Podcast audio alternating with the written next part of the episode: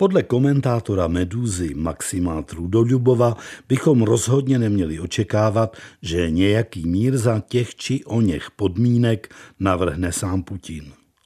Když už ne jednoznačné vítězství, tak alespoň protahování války je pro něj málem jediný způsob, jak ochránit svou osobní moc při nejmenším v Rusku samotném. Hrozeb, jež ruský prezident sám inicioval a jako by tím otevřel nádobu s příslovečným džinem je plno. Ruští silovici, a to jak z řad bezpečnostních struktur, tak třeba ze strany ruské armádní generality a rozhodně bychom neměli podceňovat další, vyloženě nový prvek ruských mocenských struktur, a to je Prigožinova soukromá armáda dobře vycvičených a všeho schopných hrdlořezů. Aby Putin dokázal nějak čelit těmto přinejmenším potenciálním hrozbám, buduje novou, či možná spíše staronovou, extrémně militarizovanou společnost, pro níž bude právě válka základním měřítkem naprosto všeho.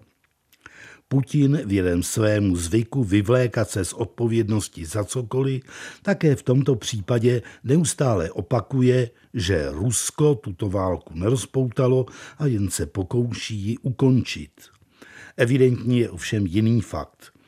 Jakmile iniciátor takovéhoto střetu nedotáhne válečné akce k totálnímu vítězství a míru, jehož podmínky si bude sám diktovat, zaručeně narazí na velmi závažná obvinění na svou adresu a možná i hrozbu vlastnímu holému životu. Jakýkoliv jiný mír než ten, který sám nadiktuje, znamená pro podobného vládce ztrátu moci a následně velmi tvrdý trest.